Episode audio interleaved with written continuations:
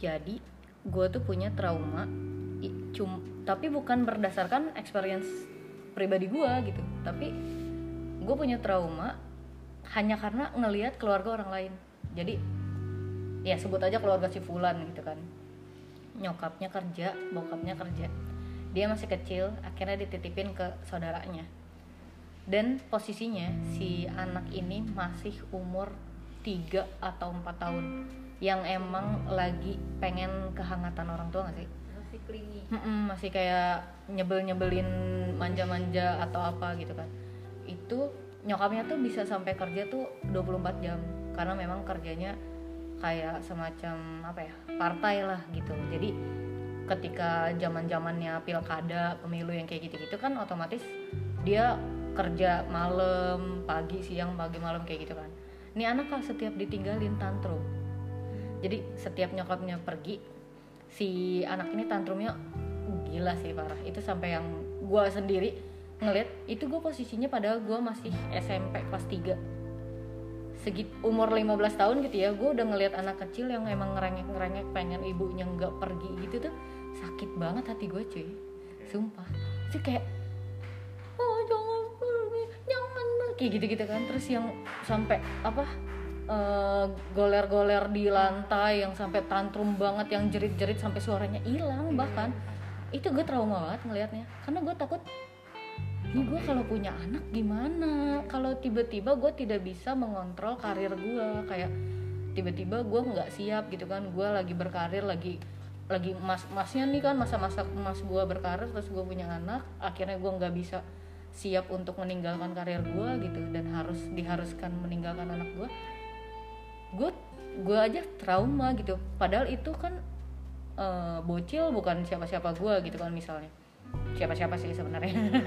Tapi nggak boleh disebut. Iya iya bo- itu bocil yang nangis gitu. Tapi gue ngerasa diri gue yang ditinggalin. Iya, jadi itu. kebayang Mm-mm, parah. Itu jadi kayak kayak gue ngerasa gue yang nangis gue yang ditinggalin nyokap gue yang ditinggalin bokap gue gue yang tidurnya sama orang lain gue yang makannya disuapin orang lain ih gue mau nangis sekarang. Jadi kehilangan Iya, jadi kayak- kita butuh banget. padahal itu bukan gue tapi gue jadi trauma. Bener-bener trauma abis sih gara-gara itu. Makanya dari situ gue belajar bahwa gue nggak bisa punya anak dulu kalau memang gue tidak mempersiapkan hal yang benar-benar matang gitu. Gue nggak menyalahkan orang lain yang udah punya anak karena memang keinginan ya udah gue pengen punya anak terus akhirnya punya anak itu gue nggak menyalahkan karena memang jalan hidup orang beda-beda gitu kan. Dan mungkin mereka nggak punya trauma yang kayak gue nah makanya ketika gue sadar gue punya trauma ketika gue aware sama diri gue sendiri ya gue yang harus menanggung semua itu biar nggak terulang ke anak gue gitu kan. Karena emang yang paling penting kan itu ya kita sadar gitu kalau kita tuh ada masalah terus kita mau memperbaiki. memperbaiki gitu. Bukan yang ya kita sadar punya masalah terus kita pengen orang lain aja gitu yang ngerti. Kalau ya gue tuh bermasalah gitu. Kan nggak gitu kan posisinya. Eh, tapi denger cerita Kak tuh aku jadi inget sepupu aku. Sepupu aku. Aku pun baru menyadari kalau misalkan oh iya sebegini pentingnya ya eh, peran orang tua di rumah. Gara-gara waktu itu sepupu aku umurnya kelas pokoknya kelas 3 SD kelas 3 SD dia tuh biasa Sabtu Minggu main ke rumahku karena emang kita satu komplek pernah dia tiba-tiba ini posisinya orang tuanya tuh sama-sama orang tua yang bekerja dan kerjanya tuh bisa lembur-lembur sampai jam 10 baru pulang kayak gitu-gitu kan. Dia di rumah tuh cuma sama pembantunya. Nah pas Sabtu Minggu main ke rumah aku dia dia tuh bahkan sampai ngomong kayak gini aku pengen deh punya saudara tiri bilang gitu kan. Terus ditanya sama kakak aku. SD udah. SD SD tuh. Hah kenapa iya biar bisa aku katain ih dasar anak pungut ih dasar biar aku bisa jambak rambutnya kayak gitu gitu jadi dia tuh dia pengen punya Oh. saudara tiri karena dia nonton di film kalau punya saudara tiri tuh bisa diginiin loh gitu. Karena dia selama ini mainnya sama pembantunya nonton sinetron kan. Dan dia pun kalau misalkan lagi main di rumah aku gitu dia minta sinetron aduh aku lupa sinetron zaman dulu pokoknya cinta-cintaan yang cringe Hmm. banget gitu deh. Kayak ih nonton ini dong udah mau mulai jam segini Eh, cepetan nonton yang ini gitu. Sampai dia pun kalau menurut aku ya eh, lumayan cepat matangnya. Jadi kayak dia kalau ngeliat cowok tuh ganjen gitu. Oh iya iya. Dia ngeliat karena perspektifnya kan yang ada di tontonan iya, dia. iya bener.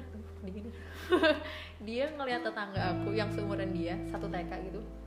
Ih tau gak sih tadi tuh aku baru mikirin dia. Terus dia hari ini maaf Mikir. main ke sini dong. Berarti emang emang jodoh gak ke mana? Dia sampai ngomong kayak gitu kelas 3 SD so aku mikir kayak wah gila sih emang gak boleh ninggal anak gitu Hmm. sih. Maksudnya kayak sebegitu pentingnya peran orang tua makanya tuh aku bilang kan ketika emang komit mau punya anak tuh emang kita harus selesai sama diri sendiri supaya bisa fokus sama si Iya, anak ini banget. gitu. Karena ya gitu tanggung jawabnya gede banget. Kayak anak kecil bisa kepikiran punya saudara tiri buat disiksa coba.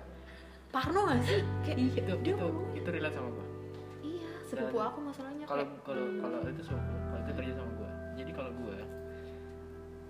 waktu. ngomong maskernya dibuka. Dia keren ngomong maskernya Kan nggak ditutup kedengeran, nggak emang manusia ya.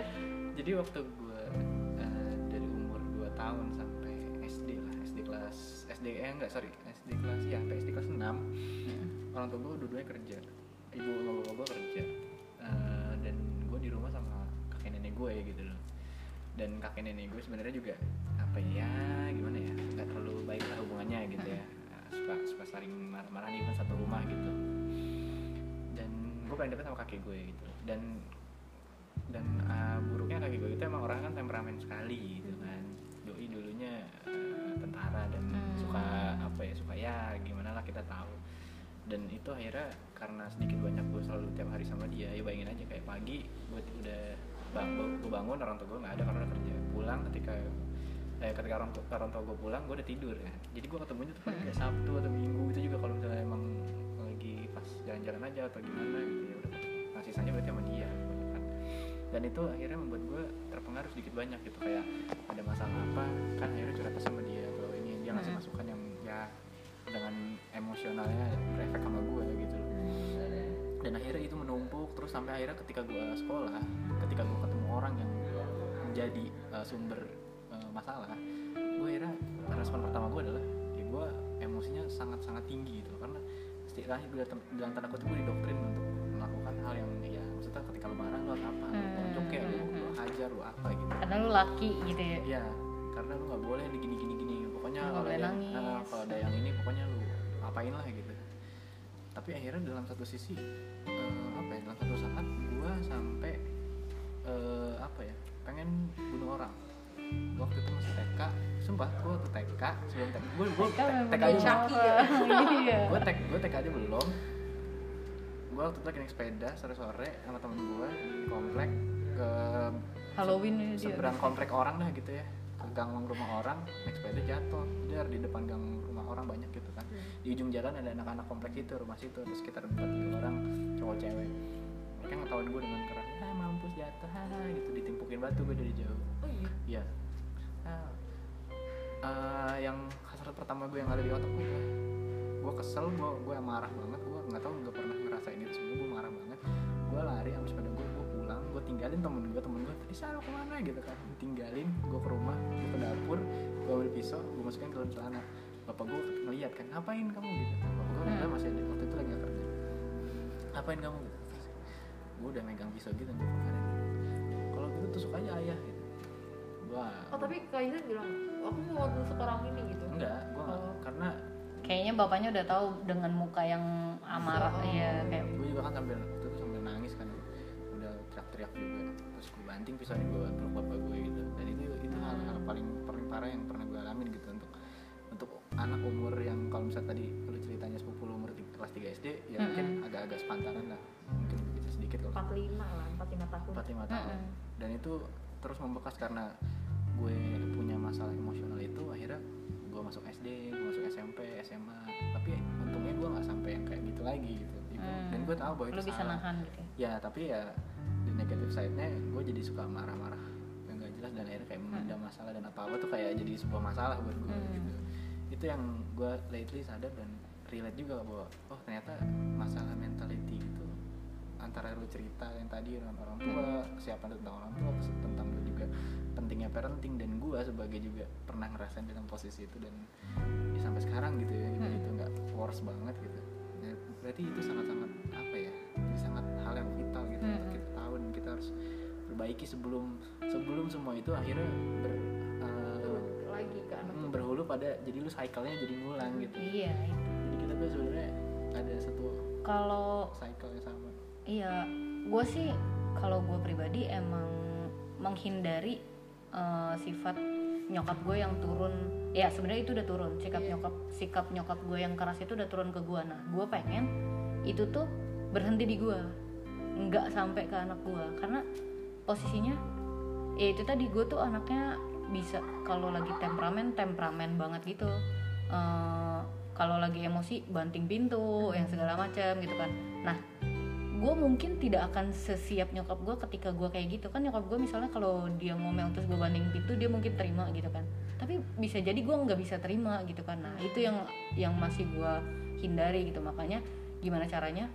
Gue selesai dengan masalah gue tapi gue juga eh, punya kesiapan untuk masa yang akan datang gitu. Gimana kalau anak gue kayak gini ya? Gue siap nggak? Gimana kalau anak gue kayak gini ya? Gue siap nggak kayak gitu sih? Jadi kenapa? Maksudnya ya punya anak mah gampang lah. Kalau bisa dibilang gampang ya gampang gitu kan. Ya Prosesnya tinggal- mah gampang. iya prosesnya gampang. Tinggal bikin hamil gitu kan. Ya ngelahirin gitu.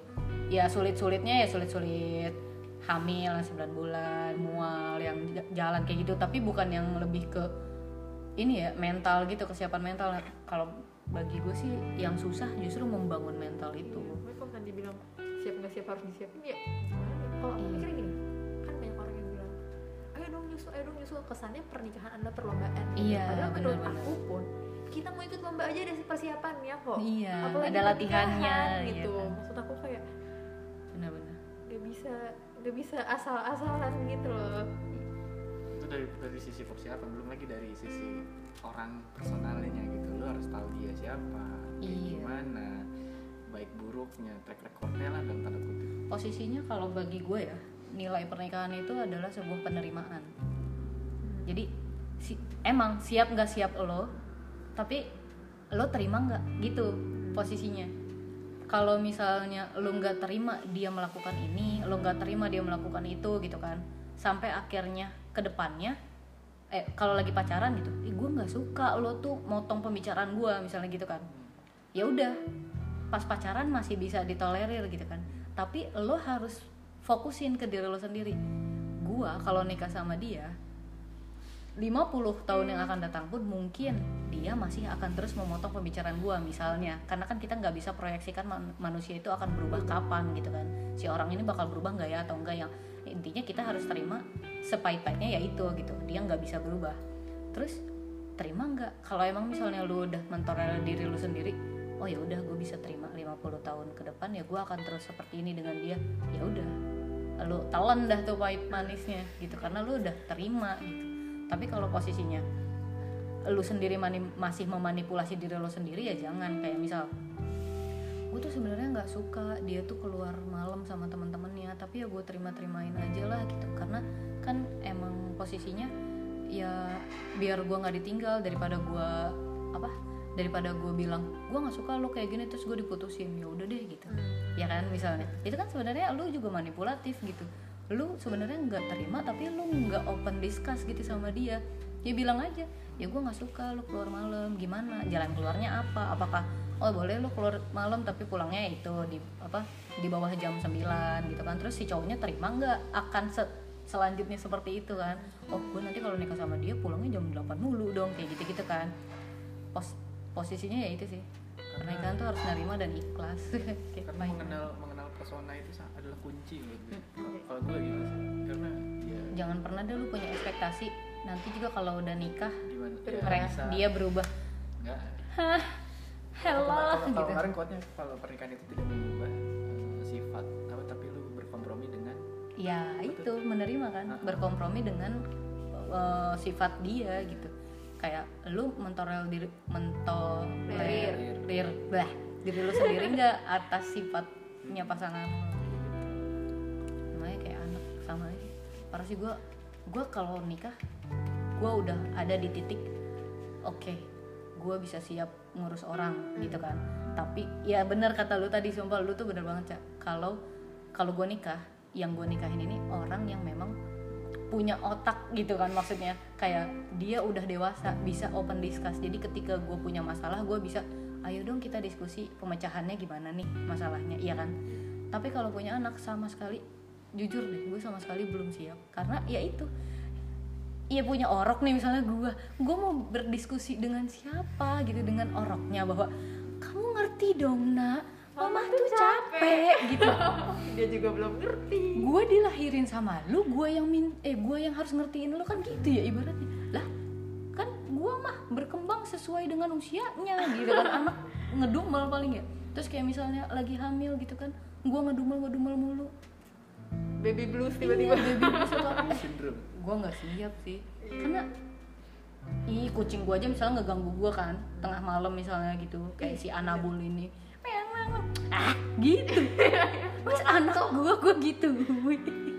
Emang sih banyak orang yang bilang katanya kalau udah lahir udah melahirkan yakin deh 180 derajat lu berubah katanya. Jiwa keibuan lo keluar jiwa ini lo keluar. Tapi gue nggak bisa yang namanya melakukan kehidupan dengan segambling itu. Iya, betul. kayak itu tadi kita nggak tahu manusia itu bisa berubah atau enggak. Nah gue takutnya adalah salah satu manusia yang tidak bisa berubah ya kan? berubahnya, berubahnya jadi yang salah gitu. Iya kayak ya udah deh gue lahiran dulu aja kali aja gue berubah. Kagak berubah ternyata ya kan? trauma gue masih ada. Terus gue masih yang kayak eh, temperamen sering ngebentak anak gue terus sering greget misalnya kayak gitu gue jitak tiba-tiba anak gue ya kan ya itu tadi karena anak tuh. Ya Allah lima tahun awal misalnya kan itu lagi rewel-rewelnya tapi lagi lucu-lucunya. Lima tahun awal sehari aja lo misalnya ngebentak dia bisa jadi itu berpengaruh sama kehidupan dia sampai mati dia. Sampai mati dia ingat tuh misalnya lu cubit kan kasihan gitu.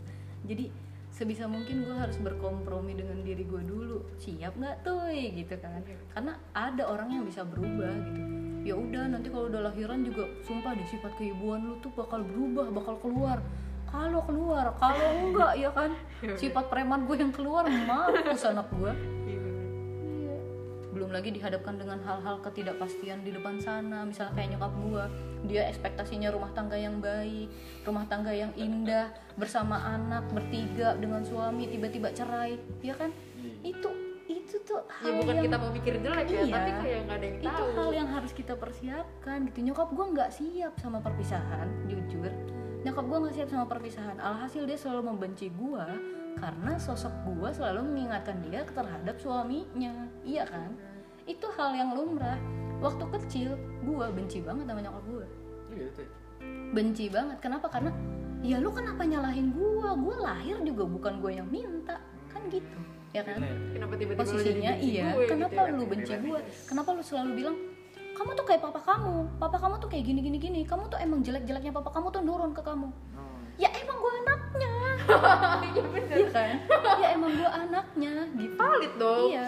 Waktu kecil gue benci banget. Kenapa? Karena memang gue nggak tahu proses proses perubahan yang sangat-sangat signifikan terhadap hidup nyokap gue itu kan mempengaruhi mental dia juga Iya. kan. Dan gue nggak belajar itu jadi gue nggak tahu. Nah makanya kemarin psikolog yang di webinar itu juga bilang bahwa hubungan lu sama orang tua lu itu bukan semata-mata lu menuntut orang tua lu untuk ngerti sama keadaan yang sekarang. Tapi lu berkompromi. Lu harus nerima bahwa ya memang ada gap gitu kan Hmm. antara lu dengan orang tua lu. Mungkin bisa jadi apa ilmu yang lo terima sekarang itu nggak didapatkan sama orang tua lu. Nah pas gue masuk UI gue belajar sosial segala macam gitu tentang psikologi dan lain-lain dikit ya sedikit banyaknya gue belajar gue jadi paham oh iya ya ternyata nyokap gue mengalami trauma ini mungkin oh ternyata nyokap gue ya memang belum siap akan eh, apa namanya? Perubahan ja, ya perubahan jalan hidup gitu kan. Kayak apa yang dia impikan apa yang dia nantikan. Mungkin dia dia menantikan punya anak kedua mungkin dia menantikan punya eh, apa namanya jalan-jalan ke luar negeri dengan suaminya Iya, misal. Tapi ternyata family. Mm-mm, tapi ternyata gua umur eh gua kelas 2 SD aja udah ditinggal gitu udah cerai. Dan posisinya kan berarti singkat banget kan. Gue paling sekitar 7 atau 8 tahun kan bersama bokap gua. Dan berarti kan posisi dia menikah pun cuma 9 tahunan kan. Tiba-tiba langsung jadi single parent kerja sendiri ngurusin anak sendiri. Jadi ngelihat muka gue kayak anjing emang dia Makin anak gitu. iya gitu gitu, ya. kayak ini bapaknya emang kampret gini-gini. Tapi kan karena nggak ada bokap guanya yang ada gua di Iya. rumah yang dimarahin gue ya kan. Karena nyokap gue tuh sampai mukul dan lain-lain tuh gue pernah rasain gitu. Tapi pas gua kuliah akhirnya gua dulu sampai bilang kayak gini mama tuh jahat tau nggak? Mama tuh nggak seharusnya kayak gini gini gue ngajarin. Oh. tapi nggak kena akhirnya ca. Jadi Jadi karena di situ titik iya jadi baliknya. jadi nyokap gue ya tetap tidak berubah karena justru nyokap gue malah ngerasa kamu tahu apa sama sakitnya mama? Gitu. Kamu tahu apa sama hidupnya mama? Kamu tahu apa sama apa yang mama rasain? Gitu kan mama tuh pahit manis garam kehidupan semua udah mama cobain gitu. Kamu tuh anak baru meletek. Karena gue ngajarin. Salah. Setelah gue baca gue gue cari apa pun gitu kan. Kenapa sih gitu eh, nyokap gue kayak gini? Kenapa kayak gini? Karena memang gue pengen tahu gitu kan. Dan itu tadi eh, banyak hal yang banyak orang yang bilang bahwa ya lu harus terima bahwa ada gap di antara lu dan nyokap lu. Jadi lu yang harus mendekati dia dengan cara yang bisa dia terima bukan dengan cara lu doang gitu kan. Akhirnya udah gue deketin kayak gue sendiri yang ngajak diskusi di- dikit-dikit. Kadang kalau lagi senggang gue cari obrolan. Terus kayak mama lagi apa? Lagi gini gini gini. Oh iya mah waktu dulu papa gimana sih? Gini gini gini. Jadi gue coba mengulas kebaikan-kebaikan bokap gue biar uh, kenangan baik itu selalu ada bukan kenangan buruk yang selama ditinggal itu yang mampir gitu tapi oh iya ya ternyata emang ya suami ya ya udah gitu. Suami gue juga ada baiknya kok gitu kan jadi dia akhirnya merekam semua kebaikan itu dan nggak benci lagi sama gua gitu. Itu titik balik nyokap gua itu bener-bener pas gua kuliah beneran. Deh selama dari kecil sampai kuliah gue tuh keras banget dididik sama nyokap gua karena nyokap gue selalu bilang kamu harus sukses kamu harus sukses kamu harus sukses. Kenapa? Biar nanti kamu kalau ketemu sama bapak kamu kamu udah jadi orang kayak gitu-gitu. Oh, jadi jadi kayak semacam balas dendamnya Iya, gitu ya. kayak gue bisa ngurus anak gitu. betul. Nih anak gua tanpa lu bisa gini gini gitu kan. Tapi titik baliknya di mana nyokap gua akhirnya terima dengan kenyataan bahwa iya ya gue sekarang udah single parent. Kehidupan gue buat anak gua aja gitu.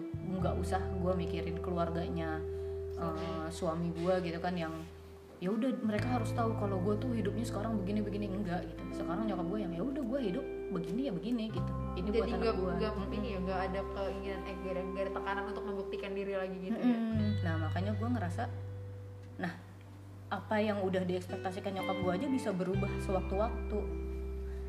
Gue bisa digituin sama nyokap gue karena nyokap gue berarti nggak siap kan sama perubahannya. Nah itu yang gue harus pelajari. Gue siap nggak sih sama perubahannya? Nggak usah cerai deh. Misal tiba-tiba pasangan kita meninggal duluan, Hmm. ya kan? Gimana gitu? Itu yang harus kita persiapkan. Apakah gue akan siap ke depannya seperti itu? Apakah gue akan eh, tantrum juga ibaratnya atau misalnya gue justru malah ikhlas gitu kan itu yang harus dipertimbangkan gitu bukan berarti ya eh, keajaiban mah selalu ada kayak ya Iya, gue selalu iya bener gue selalu tahu gitu Allah selalu ada di samping gue bahkan Allah selalu bantu gue gitu. Tapi kan ya itu tadi kita nggak tahu ujiannya sampai mana tuh kita nggak tahu. gitu. Jadi curhat ya. Nah, tapi ini relate. Orang tuh kalau di sosial media mohon maaf nih ceritanya yang seneng-seneng kita ya mah kan? belak belakan aja. Ini cerita kesulitan. Kesulitan makanya hidup Kegalauan. itu juga yang bikin aku kayak kayak misalkan aku dikatain jomblo aku tuh nggak pernah yang kayak ya emang kenapa? Karena Hmm. aku tahu kapasitas aku apa yang Nah. aku pengenin kesadaran aku atas fokus diriku. Jadi kayak aku nggak pernah ngerasa kayak sedih merana aku malah lebih ngerasa kayak lu justru bakal lebih merana kalau lu sama orang yang salah. Nah benar kalau selama gue happy happy aja gue sendiri kenapa gue harus merasa miserable gitu? iya. Iya kadang orang lain suka malah menilai diri kayak, kita. Iya. Kayak, apa ya? Kayak aku ketemu temen SMA temen yang lama-lama gitu kayak ih mana mau mulai pacar kayak ya gak menentukan kebahagiaan gue juga Nah. gitu. Jadi kayak gue masih seneng kok gue masih ngejalanin apa yang gue mau kok gitu. Gitu sih. Jadi nggak nggak pernah sakit hati kayak dikatain jomblo ah nggak laku lah kayak karena gue tahu gue maunya apa. Ya gue kalau mau cari cewek juga besok dapet Iya. wow nggak gitu sih. Nggak gitu. Ya? yang rada apa? bici ya. Gue tinder kan tinggal swipe right swipe left swipe right swipe left gitu. Match semua. Iya. Itu gua banget itu kemarin. Terus yang udah ngajarin lagi Main Tinder itu cuma dua jam doang guys. Jomblo itu apaan? Denger nanti pacar lu. Tahu nggak? Tahu tahu. Oh tahu. Takutnya tiba-tiba nggak tahu. Oh main Tinder. Iya. Udah match berapa orang? Jangan kayak mantan gue nggak tahu gue main tinder kan? Tapi kan akhirnya lu ketemu jodoh dia jodoh maksudnya. Ya, nggak tahu sih gua Iya, jodoh apa enggak. maksudnya kalau misalnya baca ya gue pengen jadi diri gue sendiri dan gue tahu capability gue oke kalau lu Mm-mm. ya is awal iseng-iseng gitu kan emang ternyata ketemu yang pas Mm-mm. kalau gue mungkin ya tapi aku nggak menutup kemungkinan ya. Kali aja pendengar teman-teman yang kars tuh iya hai. Ocha satu visi misi nih gitu. Oh, terus iya, DM gua kan kayak tuh ini Ocha yang mana ya orangnya? Ya, gua kasih Instagramnya ya kan. Terus stalking stalking. Wah ternyata dia desain. Wah, bikin gua- ilustrasi. Iya. Wah ternyata dia begini wah ternyata dia begitu. Asik. siapa tahu ada langsung kan? kan? Kamu adalah doa di sepertiga malamku. Asik.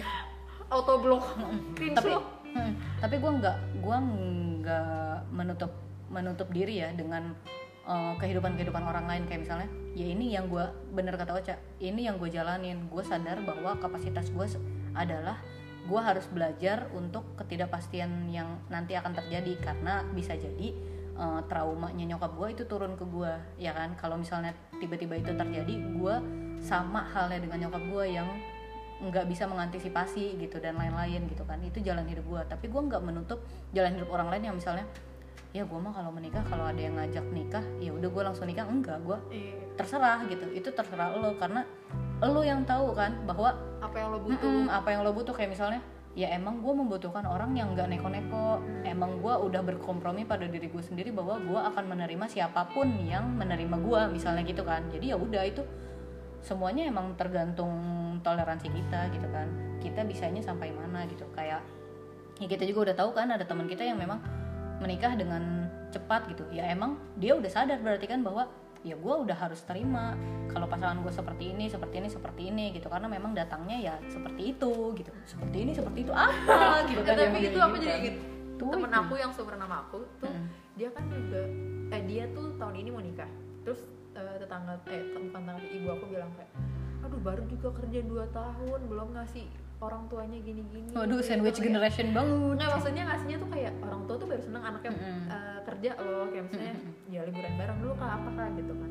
Paham. Cuma aku aku memahami posisi si eh, tetangga aku ini karena aku tahu hidupnya dia dari SD Hmm. maksudnya dia dia dulu tumbuh sebagai anak yang broken home. Hmm. terus apa namanya dan dia tuh selama hidup hidupnya lima tahun terakhir ini tuh susah banget Dia karena kekurangan uh, sosok ya. orang tuanya mening uh, orang ayahnya meninggal gitu. Hmm. dan ibunya pensiun.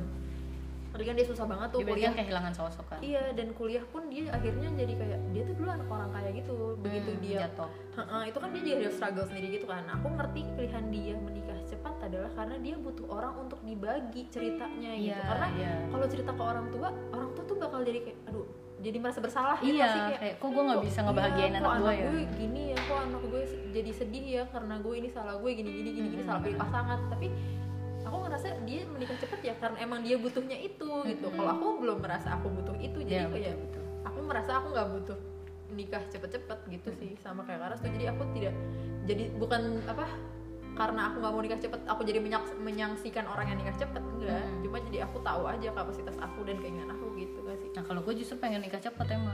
Iya karena kebutuhannya gitu. Iya iya karena gue kan? butuh gitu. Mm-mm. kalau aku kan Itu tadi bener. Tapi kalau punya anak mm, nggak tahu sih ya. Nanti di- nan- nanti gue kena omongan netizen lagi. Ah iya. Kayak parah banget tuh yang nggak mau punya anak gitu nanti. Oh. headline-nya harus tuh nggak mau punya anak gitu. Enggak gue gue sewaktu kan? Iya. sewaktu waktu yang akan datang mungkin gue akan menantikan sesosok daging. Sosok makhluk. Sesosok daging bernyawa ya kan?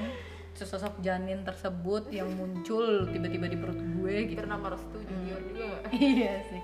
Iya ya gue nggak menu- gua nggak menampik akan menantikan sesosok anak gitu dari diri gue pribadi. Tapi nggak sekarang gitu karena kan manusia bisa aja tiba-tiba bulan depan tiba-tiba gue pengen aku pengen punya anak aku pengen punya anak gitu kan bisa aja. Tapi kan gue pokoknya gue nggak menampik hal tersebut lah. Karena perubahan itu kita nggak ada yang tahu ya. Iya. So, untuk saat ini belum iya. gitu tapi ya tidak saat ini belum kemungkinan. karena masih banyak pertimbangan. Bagaimana Bapak Isa Oh, kalau saya kalau dari sisi cowok ya maksudnya gue ya gue nggak tahu ini apa mewakili atau enggak. Cuman kalau dari gue di umur sekarang 24 eh gue udah mikir juga sih kayak even kayak ngelihat kemarin tuh hari apa ya hari Selasa apa ya gue lagi di lampu merah situ tuh di Ramanda lagi lampu merah gue mau kanan kan belok kantor. Nah pas gue nengok kiri tuh yang deretan dekat masjid Nurul Falah itu ada bapak-bapak sama anaknya anaknya duduk di stroller gitu. Hmm. bapaknya lagi main lah ngasih makan apa kalau ngasih apa sih anaknya mungkin udah enam bulan tujuh bulan ya duduk di stroller gitu yang ada rodanya yang bisa Gak turun-turun dari stroller. kan? walker Baby kali. walker apa apa yang ada? Gak 6 bulan gak turun-turun dari baby walker entah apa Di itu situ. Liburan gitu. Dia lagi nyopin dia, dia, dia lagi nyopin anaknya terus kayak gue ngeliat kayak gue berhenti dan gue terenyuh gitu kayak Asik. Aduh ntar lagi kok gue kayak gitu ya? Jadi gue mikir kayak apa Kirain gue lu tabrak. Pakai masuk banget ya kayak gitu.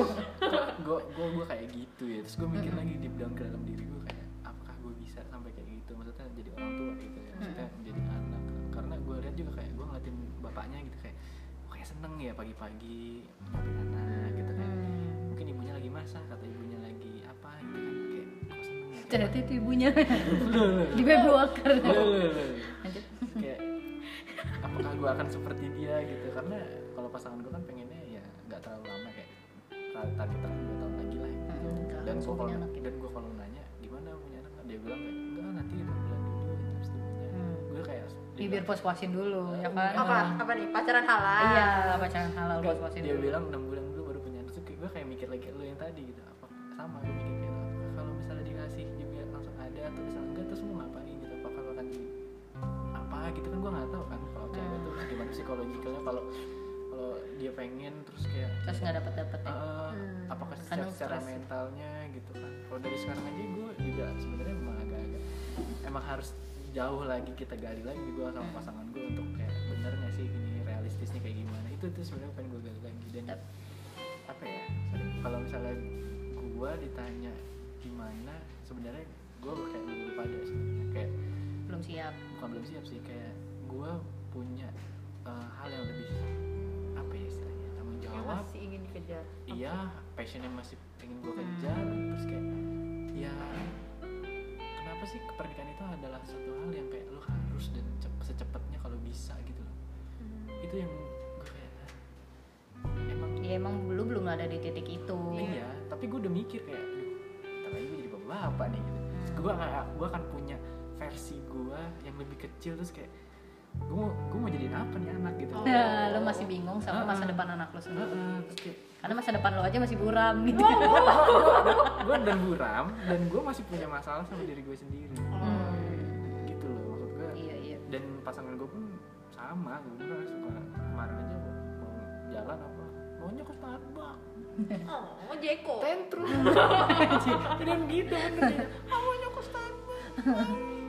Kayak, punya punya adik dua gue adik gue kayak gini. Bukan bukan partner ya adik gue kayak gini anjir jadi gitu lah gimana ya Hmm. Tapi aku ngerasa juga cowok emang tanggung jawabnya lebih gede juga sih Hmm, daripada parah. cewek. Walaupun misalnya misalnya kedua pasangan menganut prinsip pilot co-pilot, tetap pilotnya kan cowoknya kan. Mm-mm. Apalagi kalau misalkan aku tuh sempet ada di fase yang kayak kenapa sih eh, cowok tuh harus megang kendali segala-galanya gitu kan. Aku tuh kayak anti patriarki banget kan. Mm-mm. Soalnya aku ngerasa kayak dulu aja waktu gue sekolah ya kompetisi mah cewek cowok sama aja gitu nggak sih? Mm-mm, mm-mm. nggak ada yang kayak cowok jadi lebih unggul daripada cewek gitu. Sampai pada akhirnya aku nggak tahu ini aku nemu kalau misalkan kenapa kita kayak gitu karena suami tuh nanggung beban dunia dan akhiratnya keluarga. Iya. Dan masa jadi kayak ketika menikah tuh yang dipikirin tuh bukan cuma bisa nafkahin atau enggak bisa ini apa enggak Bisa bawa ke surga apa enggak? lo bisa jauh apa bisa jaga anak-anak lo tetap di jalan yang bener apa enggak? Lo bisa Iya. jaga istri lo atau enggak? Makanya kayak ketika su- apa ada cowok nikah cepet tuh aku ngerti kayak aku ngerasa kayak lo udah siap Keren banget ya, iya. tanggung jawab sebesar itu gitu Iya, loh. iya. Ternyata dia nggak tahu ya harus begitu. Itu itu Oh besar saya banget. maunya halal aja gitu. Berarti bisa pamer Pamer Pamer apa? iya kan. Pamer istri. Iya.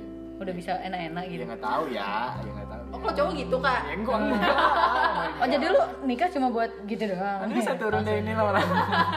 Tapi emang penting ya kita punya apa secondary plan ya. Jadi eh, kita jangan pernah punya goals cuma satu.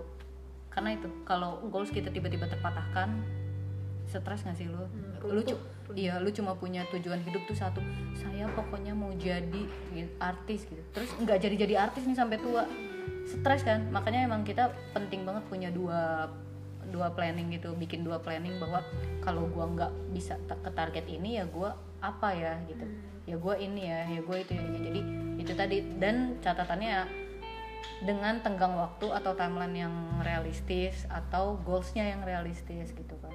Ya persis kayak webinar kan cuma Mm-mm. kita harus mau punya keinginan untuk evaluasi. Sama Iya. ini sih kemarin aku denger yang di 30 days of lunch itu kayak ini kayak persis kayak Karas tuh uh, mungkin gak apa kita punya goal satu tapi ketika itu nggak tercapai kita harus siap untuk reinventing kita iya iya oke betul. kita nggak bisa jadi artis nih ternyata kita bisanya jadi apa ya skill-skill yang kita bisa share asisten artis Wah, sakit hati banget gak sih malah ngurusin gitu malah ngurusin artisnya makan Enggak. Astrada lah Oh. kalau jadi artisnya Astrada ya bener kan banyak tuh Iya. kayak Dian Sastro artis jadi Iya. sutradara sekarang director bener-bener Nah, itu nah kita. Slavina punya ini house, enggak. production house sendiri ya kan tapi emang Rans Entertainment katanya dibangun sama sinar kita sih. Nggak tahu ya. Terus langsung gosip.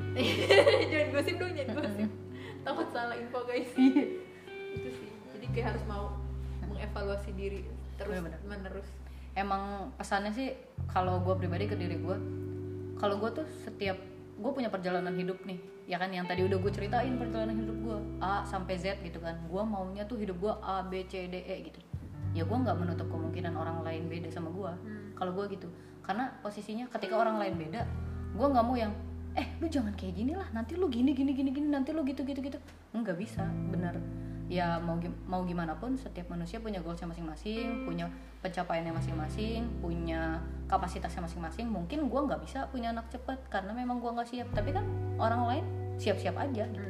bahkan gue melihat ya seumuran gua ada yang udah punya anak dua dan dan dia bahagia bahagia aja gitu dan anaknya pun siap. Mm-mm. dan ketika ketemu sama gua anaknya pun santun baik berarti kan memang parenting dia bagus gitu kan jadi kalau gue pribadi ya tergantung kesiapan mereka gitu. Gue nggak bisa menyalahkan.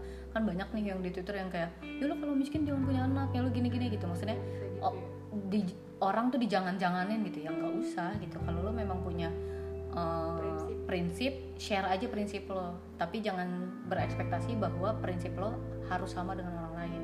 Lo punya lo tuh punya hak untuk sharing tapi lo nggak punya kewajiban untuk merubah pola pikiran orang gitu kan jadi gitu makanya gue di sini juga ya udah gue just sharing aja just share gitu kan kalau nih lo gue punya pandangan kayak gini kalau yang sama ayo bergabung. Ayo gitu kan bergabung lah bersama Iya. kami. Agen Kalau- Ntar Mm, kalau belum ada sponsor beda ya udah gitu. jadi share aja kita punya hak untuk share tapi kita nggak punya kewajiban untuk eh, apa namanya merubah orang lain anjay penutupannya gila nggak Iya, sih parah sih Terasa sudah thank you for coming to our Talk Asik. Deep Talks with Restu, Isan, and Pocahontas. Lama-lama Instagram. salah ya Ocha, oke? Gila nggak tuh guys? Hidupnya ribet kan hidup? Hmm. Lu pikir hidup cuma nongkrong di Jeko doang, hah? Enggak kan? Kerja lo kerja, malah dimarahin ya. Tetap mematahkan omongan sendiri itu memang manusia ya gitu. Semoga Jangan apa lagi? apa? Ah, boleh, boleh, boleh. Semoga nanti pas kita udah bikin podcast lagi bertiga nih, ya kita udah jadi something new. Asik. oh bertiga berarti udah mulai betah di sini podcast ini Oh, Eh, ya siapa tahu ya. Boleh boleh, ini Siapa- podcast untuk bertiga nggak apa-apa. Iya, apa-apa. Iya, siapa tahu Apa gitu apa kan. iya. Ya, Oh kita jadi dengan tahu. ketemu lagi kita udah jadi Oh, Hmm, Isan jadi Oh, CEO. jadi kita bisa juga evaluasi omongan kita apakah Iya, kita- benar, benar, benar. parah sih parah. Reak eh, apa reaction podcast reaction ya? Oh, boleh, Apa boleh, itu? boleh. podcast di reaksi juga. Apa? Nggak Jadi- tahu. Penutupannya udah bagus loh. Iya, Kenapa kan. malah lanjut gitu kan? Iya, iya. Jadinya nggak emang jelas serakah gitu. anaknya Emang anaknya nggak bisa diem. Ini susah banget nge-stop ya. Pengen di stop tapi pengen terus ngomong gimana dong? ya? Udahlah. ya udahlah ya guys pokoknya kesusahannya itu gak usah ditiru gitu kan siapa yang mau niru kesulitan gitu kan. Tapi yang jelas ambil aja hikmah dari cerita kami. Wabillahil taufiq wal hidayah warida wal inayah. Wassalamualaikum warahmatullahi wabarakatuh.